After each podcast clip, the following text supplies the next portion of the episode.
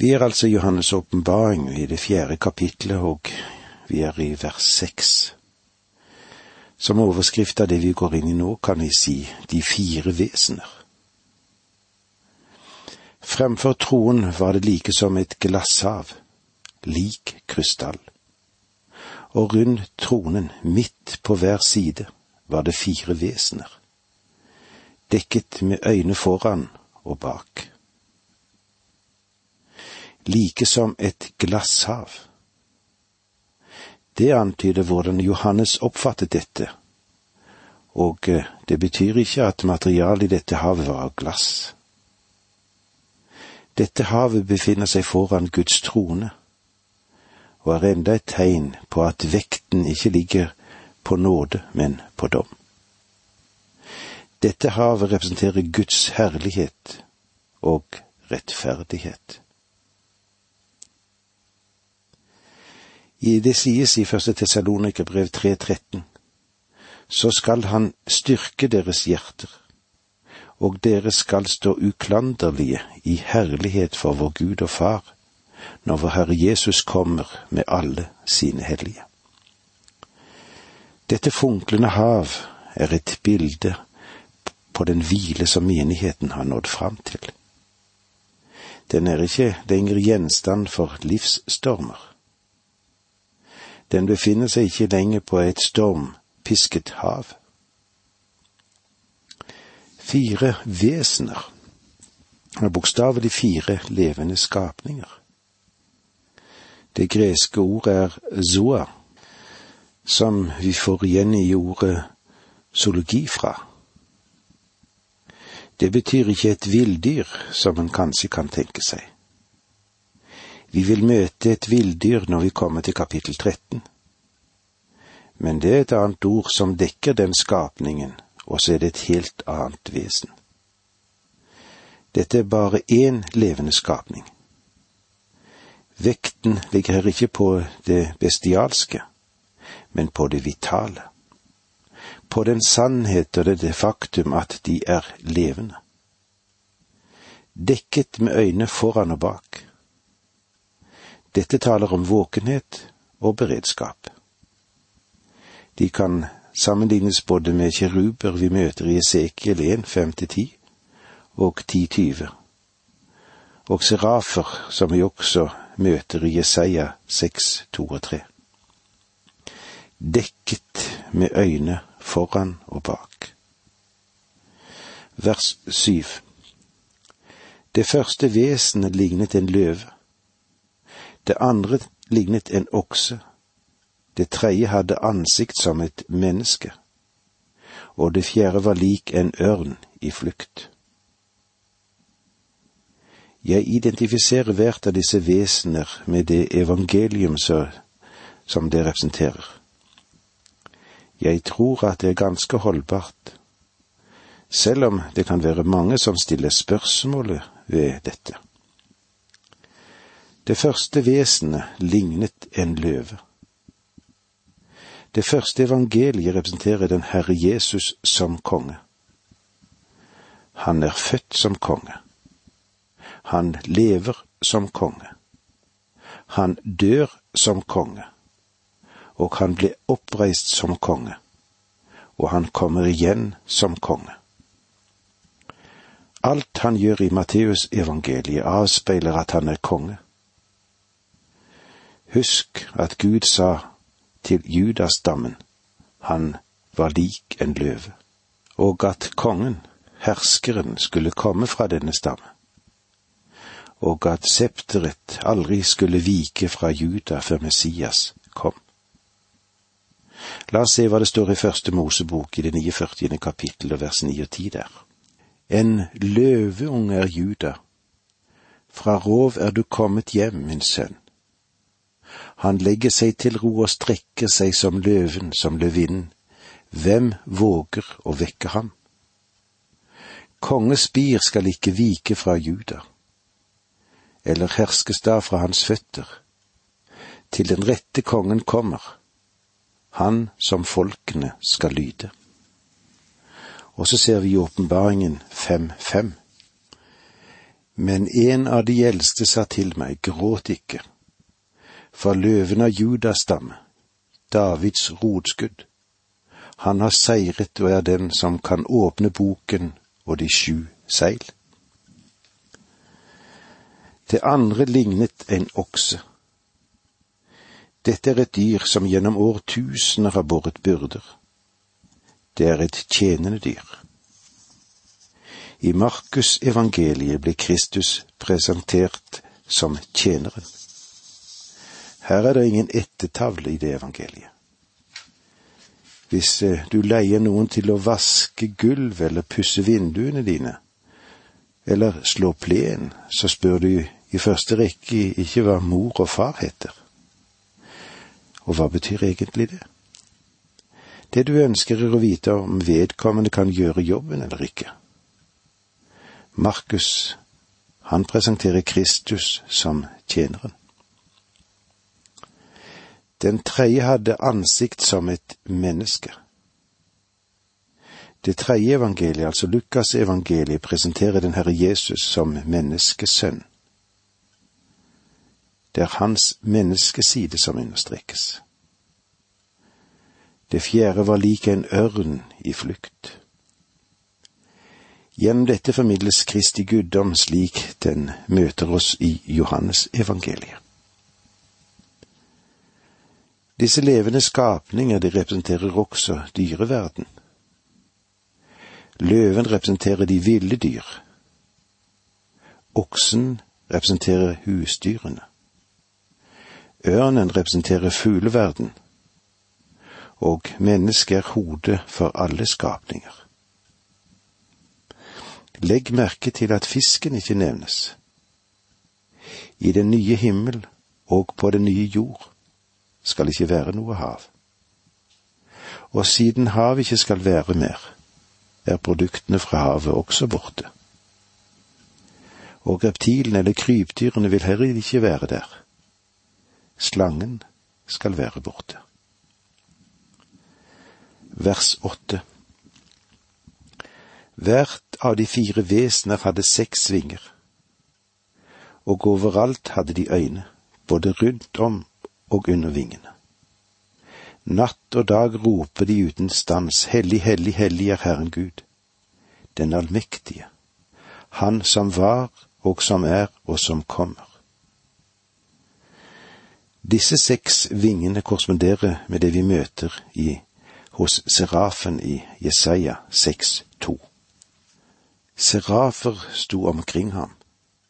Hver av dem hadde seks vinger med to dekket de ansiktet, med to dekket de føttene, og med to holdt de seg selv svevende. Igjen må vi tenke oss dette ut fra det greske språket som presens nåtid.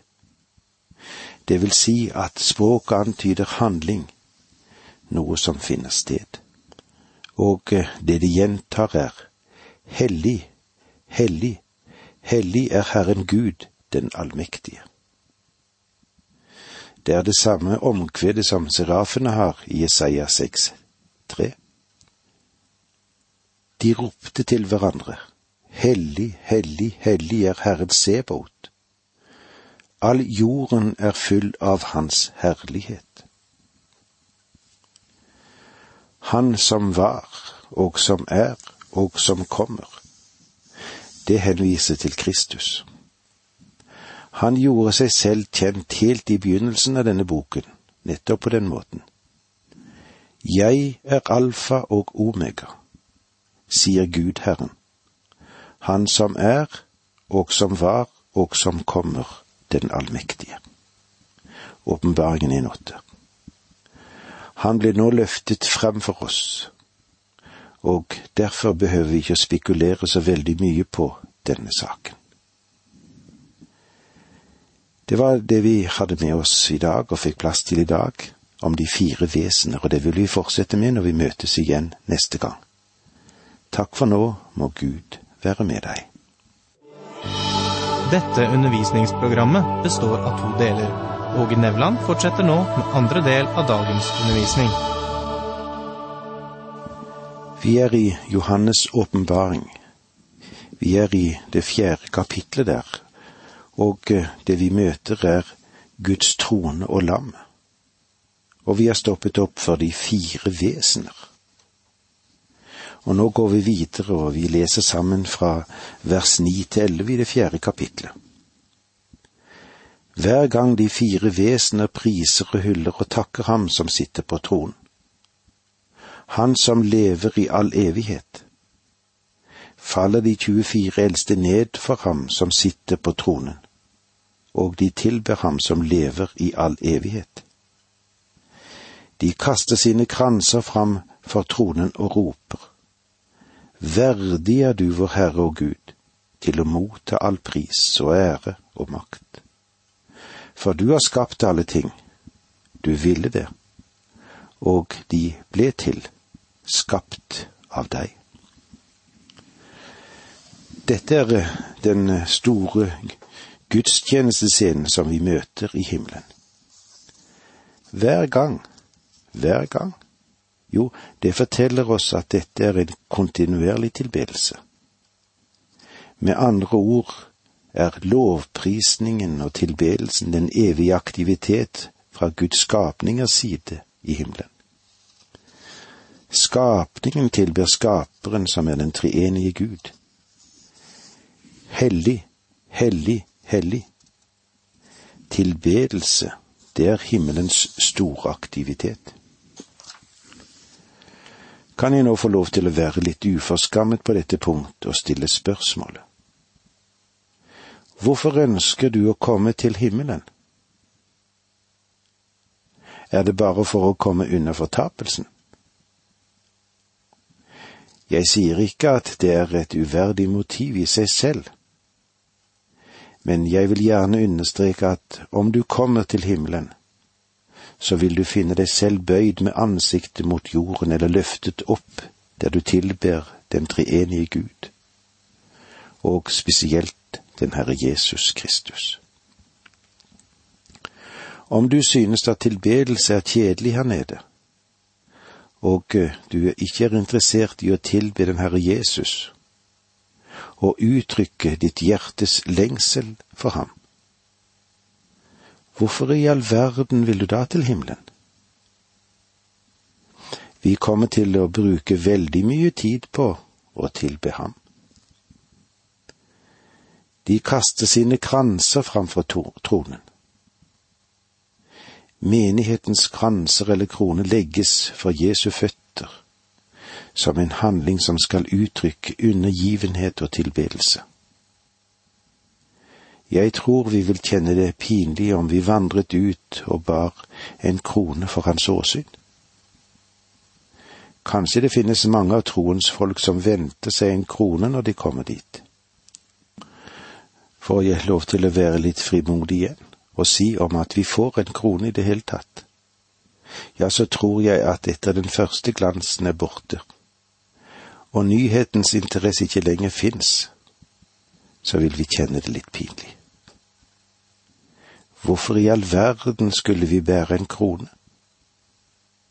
Den eneste som er verd å bære den der oppe, det er den Herre Jesus Kristus der. Derfor, om vi så skulle komme i den situasjonen at vi får dem, så vil vi øyeblikkelig legge den for hans føtter. For du har skapt alle ting. Legg merke til at de levende skapninger, de har en lovprisning og takk til ham som sitter på tronen. Vi tilber ham for hans vesen, fordi han er den han er.